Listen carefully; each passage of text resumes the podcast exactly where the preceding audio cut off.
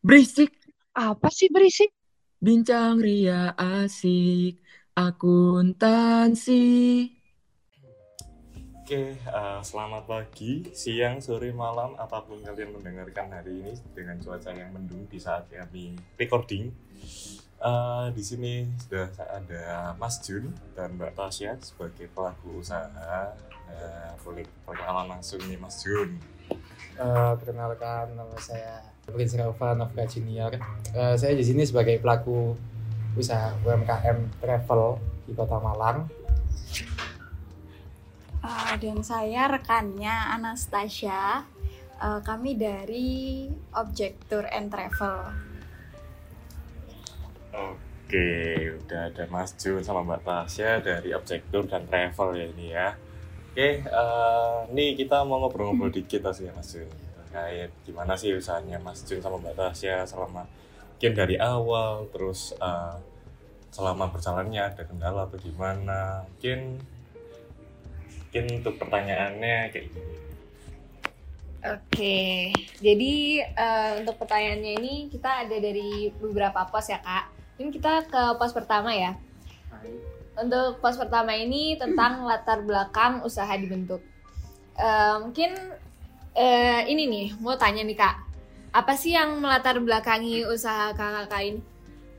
Uh, jadi sebenarnya uh, kita itu dulu awalnya kan kita kuliah nih di UB. Terus teman-teman kita yang dari luar Malang uh, itu ternyata mereka punya minat yang tinggi untuk uh, explore wisata-wisata, terutama wisata alam di Malang. Nah, kita sebagai akamsi Anak kampung sini. Nah, di sini uh, kita niatnya awalnya tuh cuman mau bantuin mereka gitu ya Jun. Iya. Heeh, mau nganterin mereka untuk explore ada apa aja sih di Malang gitu. Nah, kemudian dari situ ternyata uh, kita lihat ini potensio pot ada potensi lah. Kalau kita misalnya uh, gerak di bidang ini. Nah, terus kita juga ternyata enjoy terus rekan-rekan saya terutama Jun sama ada satu lagi Farel itu uh, mereka suka jalan-jalan. Terus kenapa nggak kita sekalian ngelakuin usaha yang kita juga hobi di situ? Ya, jadi kan emang kebanyakan buat eh, mahasiswa yang di UB itu kan emang pendatang semua ya kebanyakan. Jadi emang mereka tuh mungkin kalau di kotanya mereka ya paling mereka jalannya ke mana sih? Ke mall gitu gitulah paling ngopi atau apa. Tapi ketika mereka masuk ke Malang kan mereka oh Malang ini kan banyak nih spot bagusnya buat alam-alamnya. Mereka butuh kayak Healing. apa ya? Healing sih ya. Healing. Jadi emang banyak sih peminatnya ya, kalau jadi mahasiswa sendiri sih, Oh, oke. Sangat menarik ya. Kalau boleh tahu nih kak, eh, usaha kakak ini dimulai kapan sih? kalau kalau aslinya ya usaha kita itu dimulainya eh, 2019 2019 akhir. 2019 akhir. Jadi pas kita emang masuk semester 1 kuliah. Tapi masih maba. iya waktu masih mahasiswa baru kita di sana itu aslinya tuh bukan apa ya? Eh, ya kita bilang usaha juga nggak bukan usaha juga tapi kayak kita emang dari dulu eh jadi kayak teman-teman kita nih kayak mau kayak mau ke Bromo atau ke alam-alam yang lain kita tuh kayak selalu mem- memfasilitasi gitu kayak oh kita cari ini jeepnya oh kita anu ini buat akomodasi ke sananya gimana kita cari tiketnya gimana. Jadi kita semua gitu yang ngatur jadi mereka teman-teman kita tuh tinggal duduk aja tinggal terima jadi aja kayak gitu tapi baru 2022 22 karena awal ini. ternyata waktu kita ada plan itu kan dari 2020 tuh berarti eh, itu ternyata ada covid kan? Oh iya. covid panjang dan bener-bener bromonya ditutup. Jadi nggak bisa ke sana. Akhirnya kita undur sampai Bromo bener-bener buka itu tahun ini gitu. Berarti baru bener-bener jalan 2022 ini ya kak? Oke oke. Terus kak, eh, kak ini kan pasti dari SMA yang berbeda ya kan? Iya. Ya. Nah itu kok bisa tiba-tiba langsung klop gitu loh kak? Kan kalau misalnya kita mau mendirikan bisnis kan pasti kayak harus kenal gitu loh rekannya tuh kayak gimana sifatnya. Nah, kok bisa nih tiba-tiba langsung ketemu apalagi semester 1 ya tadi Kak? Ya. Jadi sebenarnya kita itu eh, di UB terutama di jurusan kita yang anak Malang itu nggak begitu banyak ya. Jadi kayak dulu kita sekelas tuh anak malam paling Cuman Lima. lima. cuma lima. Nah, Anak terus Malang. ternyata eh, kita itu masih apa ya? Masih kenal gitu loh. Eh, apa ya kayak ibaratnya Masih Aku satu kenal dia gini ya. frekuensi Ha-ha. lah. terus ternyata dia tuh temennya temanku juga jadi Masih kenal satu lingkup. satu lingkup satu circle gitu Ya, terus, kita juga eh, baru yang kenal deket itu gara-gara ada satu itu ya kita satu satu panitia. satu panitia Terus satu kayak bagian. emang kita udah klop kerja bareng dari awal udah sering panitia bareng gitu. Terus kita sering main dan lain-lain terus ya udah berarti kan kita udah dapet nih. Hmm, chemistry-nya terus kita juga udah tahu nih eh, apa ya kayak nih anak gimana gitu antara satu sama yang lain kayak gitu Oh, Oke oke mantap mantap. Oh ya terus nih kak kan nama bisnisnya nih Object Travel. Boleh tahu nggak kenapa kok namanya Object Travel nih? Sebenarnya nama awalnya itu bukan objek travel Bukan ya. objek. Kalau nggak salah namanya itu jejak atau apa Iya. gitu. Sejak Tapi udah ada yang ambil. Eh, udah ada yang make Salah ternyata kalah eh, cepat kita Terus aku dapat idenya itu eh, kan kita eh, objek travel ini nganterin teman-teman ke objek wisata. Ah, itu maksudnya dari Jadi kata itu itu. maksudnya objek itu tuh Di bahasa gitu. Inggrisin. Nah. Udah gitu aja sih. agak keren dikit lah pakai bahasa Inggris gitu Oke oke mantap. Oke mungkin langsung lanjut ke pos selanjutnya. Oke, aku lanjut ke pos selanjutnya ya, Kak. Untuk pos kedua ini tentang pengelola usaha. Nah, untuk pertanyaan pertama, dimulai dari apakah dalam memulai bisnis ini, kakak-kakak ini punya sosok yang sangat menginspirasi atau menjadi role model untuk bisnis kakak? Eh, kalau inspirasi ya kalau kalau inspirasi dari aku sendiri siapa ya Eh, ada sih temen temen saya juga pelaku usaha wisata. Sama usaha usaha travel juga tapi eh, kenapa kok dia bisa namanya Mas Aldi lupa aku ngasih tahu namanya. Namanya Mas Aldi Eh, kenapa kok aku bisa buat dia sebagai role model? Karena yang pertama ya dia bisa ngembangin usaha dia sebesar itu sekarang di Malang. Yang maksudnya dia hampir setiap hari berangkat ber- ke Bromo. Dia juga eh apa ya? Orangnya tuh humble ke kita. Jadi emang kita pertama aku pertama kali kita aku sama teman-teman pertama kali kenal sama dia itu Welcome banget. welcome banget jadi dia udah kayak ngerangkul kita walaupun kita emang baru kenal. Emang awalnya kita cuman kenal lewat eh, WA doang kan. Dan bener-bener kita di sana itu kayak ya udah udah kayak temen lama udah jadi kayak dianggap keluarga sendiri bahkan. Kadang eh, ya bukan kadang sih emang mesti kita datang ke sana itu kita dibuatin kopi ibunya masakin makanan buat kita. Jadi kita pas selesai pulang dari Bromo gitu ya kita habis bawa tamu eh, ibunya udah udah yuk makan dulu gitu ke rumahnya dia kayak gitu Jadi eh, dia itu ngasih apa ya buat temen bisnisnya itu nyaman. Mm-mm. jadi nganggap emang nganggap teman bisnisnya tuh ya sebagai keluarganya mereka sendiri kayak gitu sih kalau dari Oke, wah bagus berarti maksudnya ini sama Mbak Tasya. Inspirasinya Mas Aldi. Ini ada su- sayup-sayup suara ayam, terusnya di sate, enak kan? Sorry ya, iya satu. Pertanyaan berikutnya itu seputar ini Mas Jun. Oke, untuk pertanyaan selanjutnya ya.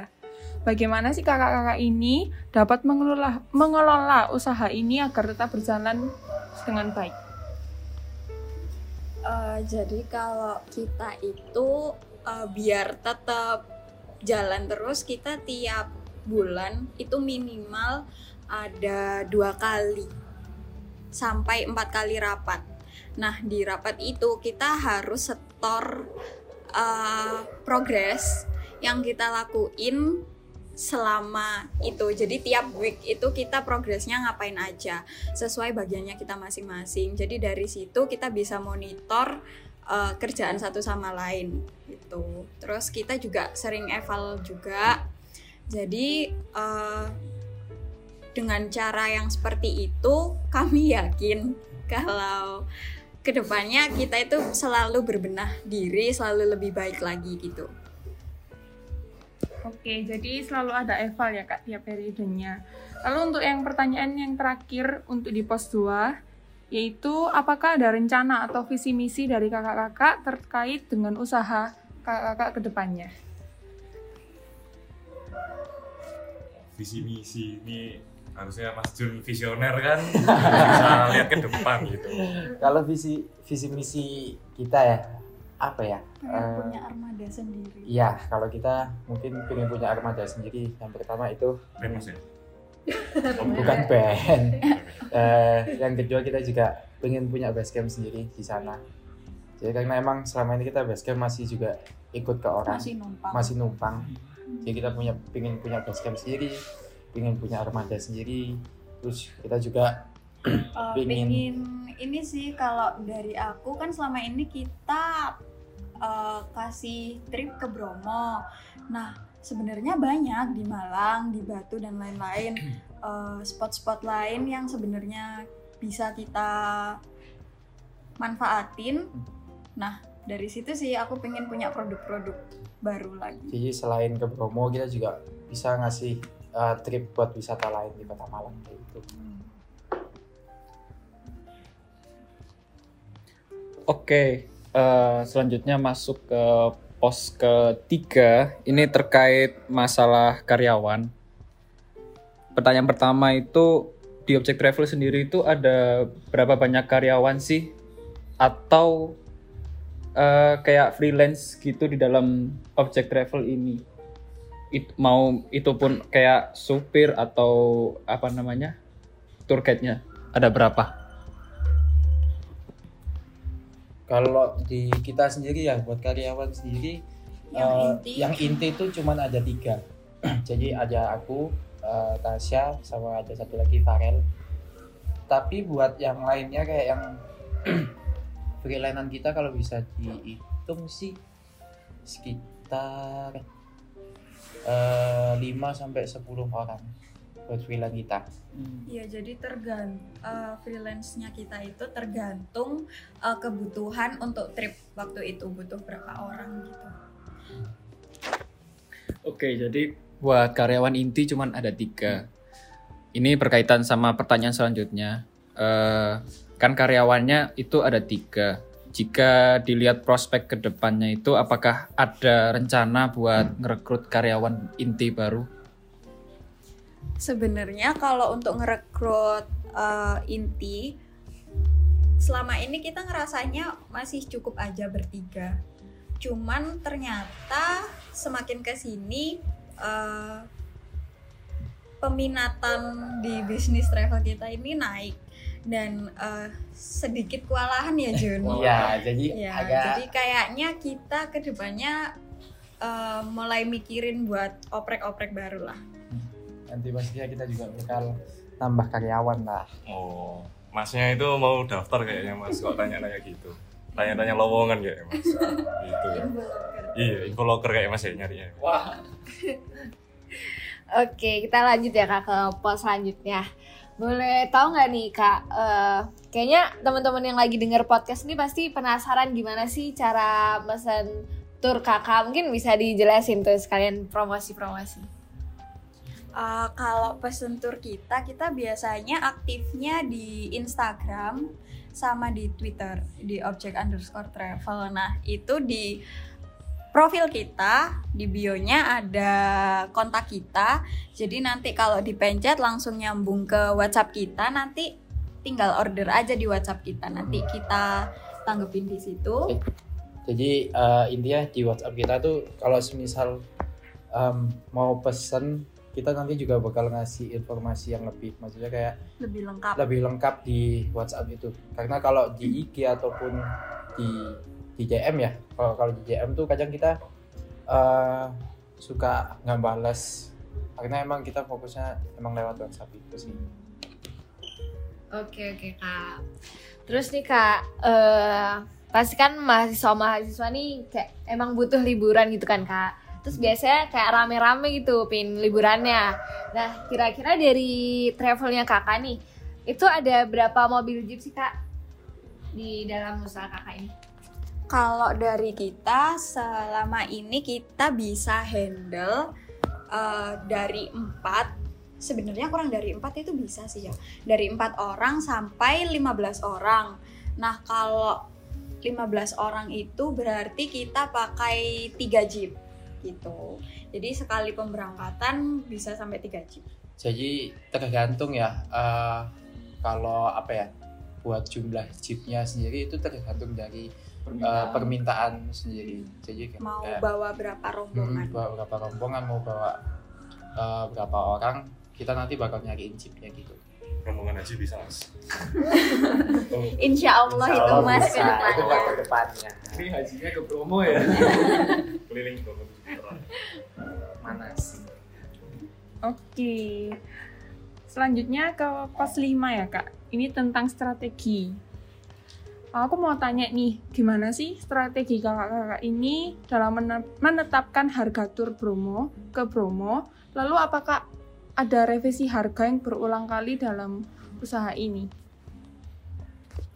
Kalau untuk masalah harga sebenarnya kita kan eh, udah ada hitungannya harga tetap. Cuman di sini itu kita ada dua harga. Jadi untuk hari biasa sama high season. Jadi emang kalau untuk eh, usaha travel, usaha bisnis yang kaitannya sama liburan gini, itu emang ada momen-momen di mana harga itu naik. Jadi karena memang demand-nya sama yang kita sediain nggak imbang. Nah, eh, jadi kita akhirnya eh, strateginya kita punya dua harga. Nah, harga yang reguler sama harga khusus untuk high season. Untuk eh, high season sendiri itu kita biasanya di musim libur lebaran sama tahun baru gitu, Kak. Oke, itu tadi ter- informasi terkait penetapan harga ya. Ini selanjutnya ada pertanyaan terkait gimana sih cara pemasaran dan strategi buat travelnya kakak-kakak ini. Apakah ada strategi dalam memasarkan travel kakak-kakak ini dengan cara yang menarik? Kalau masalah strategi pemasaran ya, eh, jadi pertamanya kan kita nentuin dulu nih eh, untuk pasarnya travel kita ini untuk siapa. Nah, eh, awalnya kita ini mengkhususkan eh, untuk marketingnya itu di market mahasiswa dan pelajar. Eh, jadi emang dulu kita eh, fokusnya kan di mahasiswa sama pelajar karena emang relasi kita kan banyaknya di sana ya. di Nah, jadi mahasiswa. untuk ke market itu akhirnya kita pakai eh, metode kita melalui sosial media. Seperti yang kita tahu kan kalau mahasiswa lebih aktif di IG, di Twitter, TikTok dari situ. Nah, tapi semakin ke sini ternyata eh, malah yang sering order di kita itu keluarga. Keluarga. Jadi eh, agak melenceng dari Agak strategi kita yang awal karena emang eh, akhir-akhir ini banyak yang keluarga yang berangkat sama kita. Jadi eh, keluarga itu pun juga mereka tahu dari kita tuh dari mulut ke mulut yang pertama. Yang kedua juga mereka mungkin tahu dari anaknya yang emang main sosial media juga. Jadi kayak gitu. Ya, Jadi jadi emang strategi emang kita mainnya eh, di sosial media. sosial media sih kita. Oke, eh, selanjutnya itu di masa pandemi kemarin itu apa usaha ini bisa berjalan se- eh, seperti biasanya? Pastikan ada kendala-kendalanya tuh.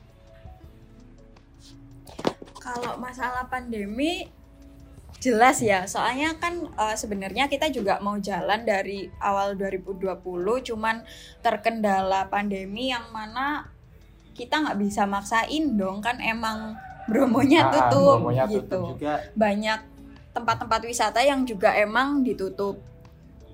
Jadi sangat berdampak buat kita. Tapi sebenarnya kalau kita lihat on the bright side-nya, kita jadi lebih matang lagi waktu tahun ini untuk bener-bener nge-launch bisnis kita ini. karena emang kita ketika pandemi itu emang kita mempersiapkan sebaik mungkin gimana caranya uh, travel ini tuh bisa naik nantinya ketika setelah pandemi ini Nah, untungnya ini sesuai ekspektasi Mhm. gitu.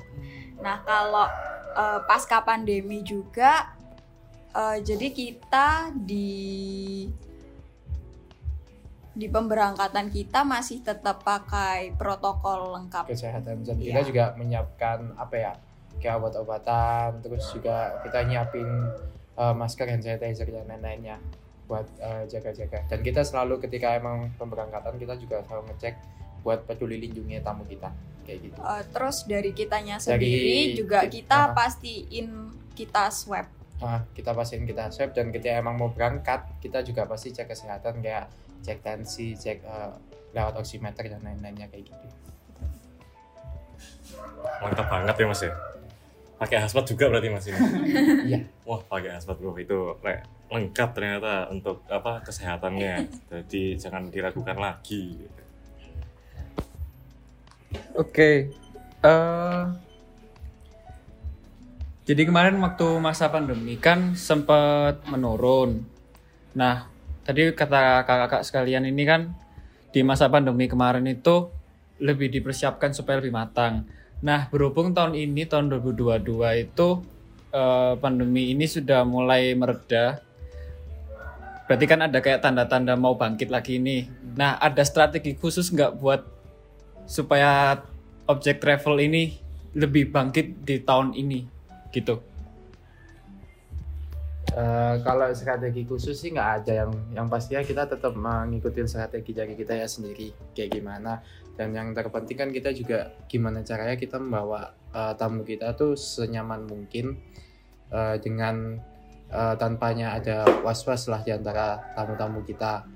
Jadi Cuman kita hmm. emang kalau terkait pasca pandemi ini kita tinggal manfaatin momen-momen yang ada aja sih. Kayak misalnya kemarin waktu lebaran kan udah dua tahun nih keluarga-keluarga eh, teman-teman yang nggak liburan nahan liburan udah bertahun-tahun nah pasti banyak banget yang pengen liburan kan ya jadi kita di situ bisa masuk untuk manfaatin momen itu Oke kak, selanjutnya nih kita masuk ke pos target penjualan per bulan ya. Kalau boleh tahu nih kak, eh, kira-kira berapa sih kak target penjualan dan omset per bulan di usaha kakak-kakak semua ini? Kalau untuk target penjualan sebenarnya kita itu bukan per bulan ya, per minggu. Jadi per minggu at least kita target ada satu pemberangkatan gitu. satu Jadi sampai dua pemberangkatan satu sampai ya. dua pemberangkatan. Jadi per bulannya at least bisa dua sampai empat Mm-mm. Iya. iya gitu. Kalau omsetnya gimana nih Mas Jun? Yang saya bendahara nih. kalau omset omset omset kita sih per bulan ya. Alhamdulillah. Ya. alhamdulillah. Ya alhamdulillah. Bisa untuk sehari-hari mas. bisa buat cicil mobil. Alhamdulillah. bisa buat modif mobil. Ya buat omset sih alhamdulillah kita selama ini selalu meningkat setiap bulannya. Setiap minggunya sih kita selalu meningkat karena emang eh, apa ya permintaan buat ke Bromo kita juga semakin meningkat. Kayak gitu sih. Oke kak, lanjut nih kak. Eh, Kira-kira nih ada kendala nggak sih kak? Eh, Kendala atau tantangan dalam memenuhi target penjualan dan omset selama pandemi kemarin? Eh, Sama pandemi. iya, kendala atau tantangan dalam memenuhi target penjualan dan omset selama pandemi. Kalau masa pandemi kemarin ada banget ya. Jadi ada beberapa pemberangkatan yang sebenarnya kita berangkat dan emang udah uh, fix, udah DP dan lain-lain. Tapi karena pandemi kita harus tetap swab. Nah di situ uh, emang ada customer kita yang biasanya tuh ternyata positif dan lain-lain. Ah, Jadi kalau gitu kan nggak bisa dipaksa. Kalau kita paksain dia berangkat juga kita membahayakan orang banyak kan. Jadi ya hal-hal seperti itu yang kemarin jadi Hmm. kendala kita waktu pandemi gitu karena protokol kesehatan.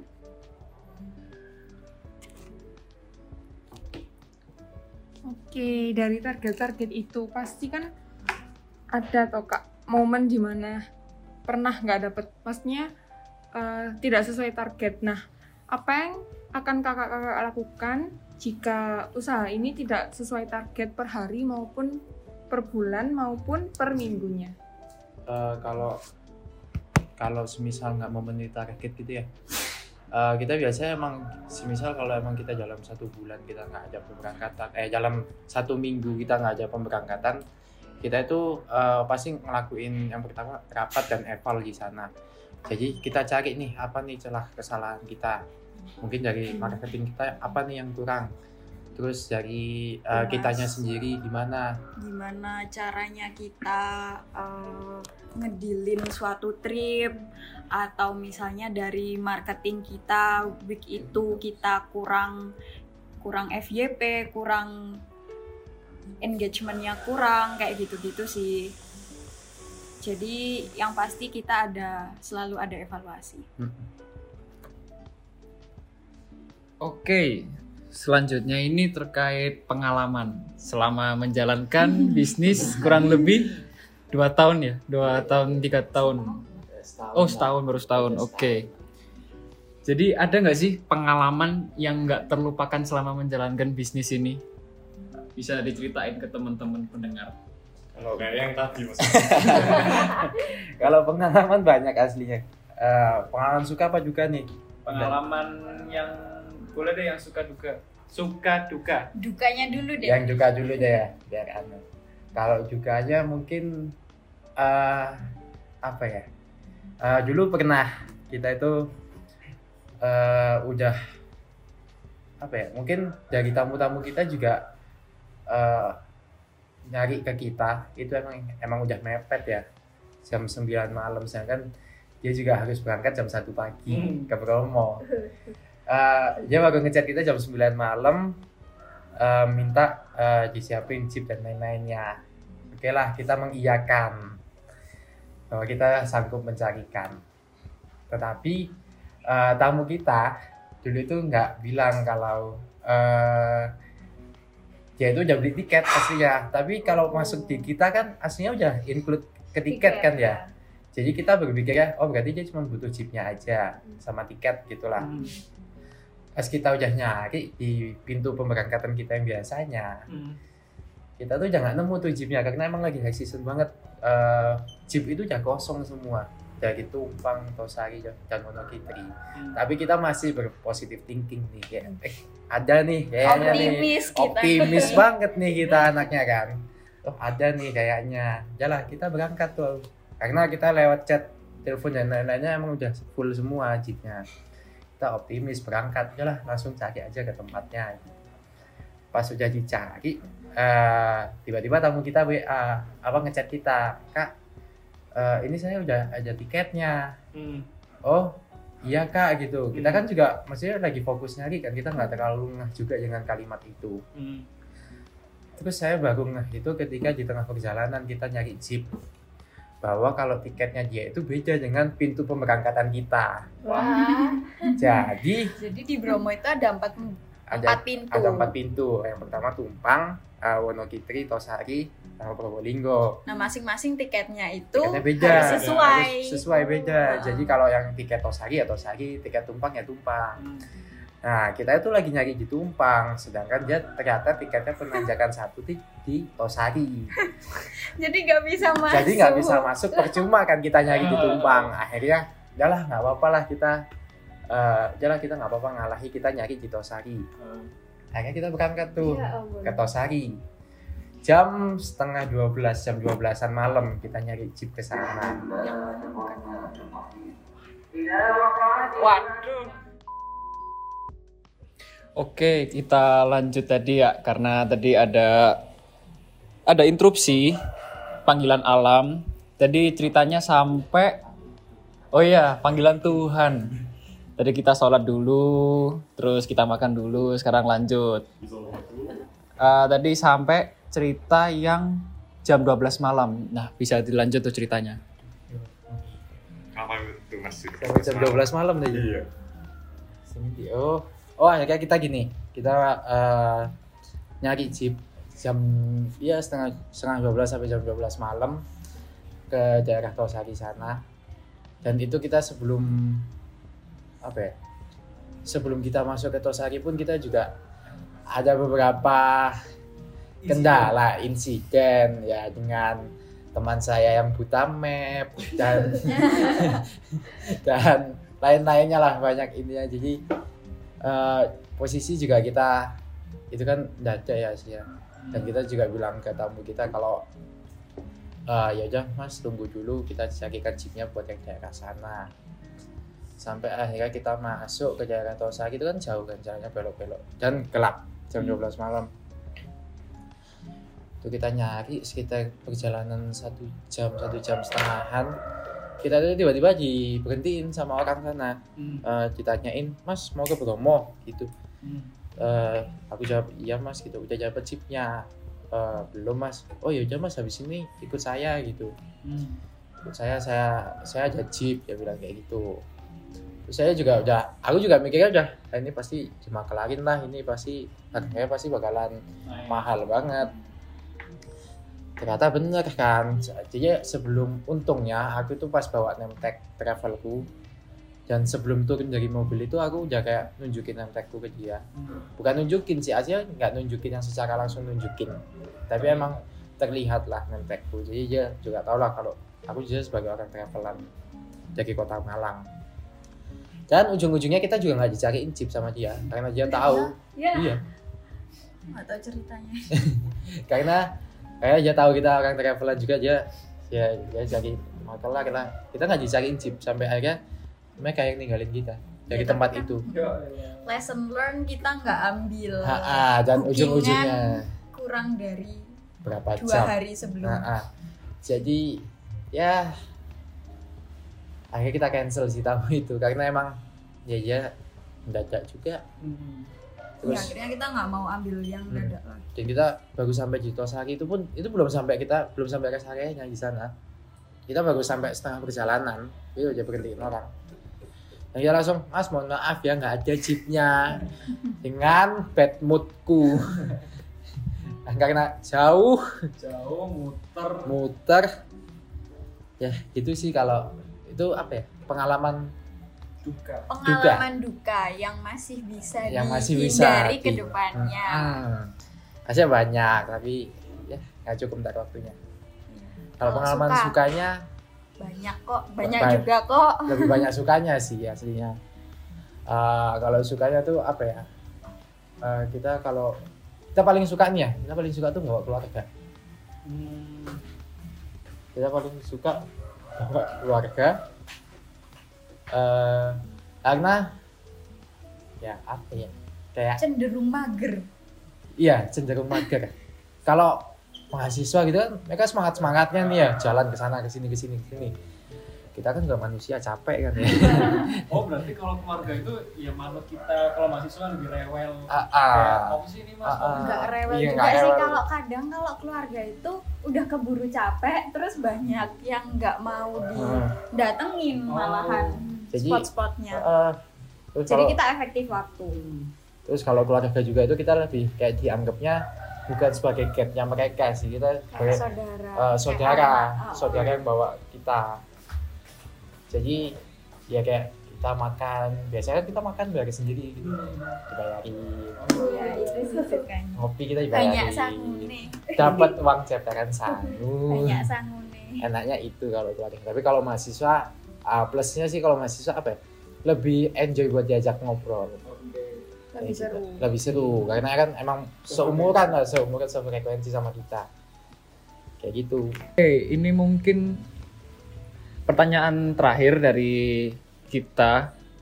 Kira-kira ada pesan-pesan atau tips and trick yang mau kakak-kakak sampaikan kepada milenial-milenial di luar sana yang masih mau merintis usahanya atau mau membuka usaha sendiri?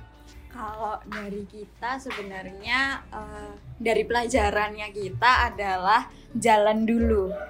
Jadi kalau kita mau usaha tapi kita terlalu perfeksionis, terlalu eh, nunggu sempurna itu justru nggak jadi-jadi gitu loh.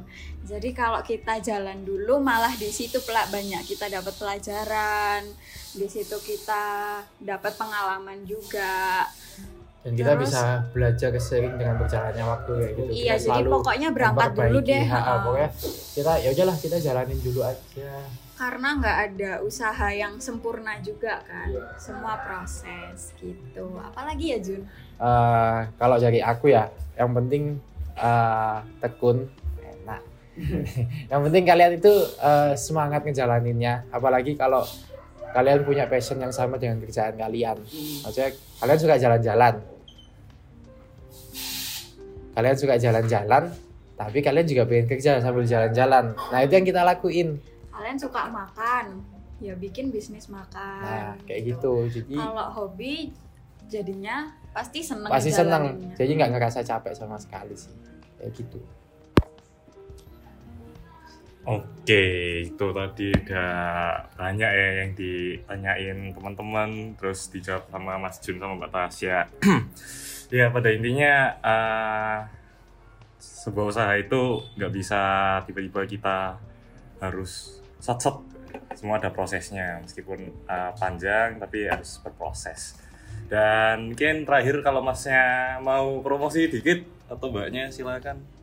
Apa nih?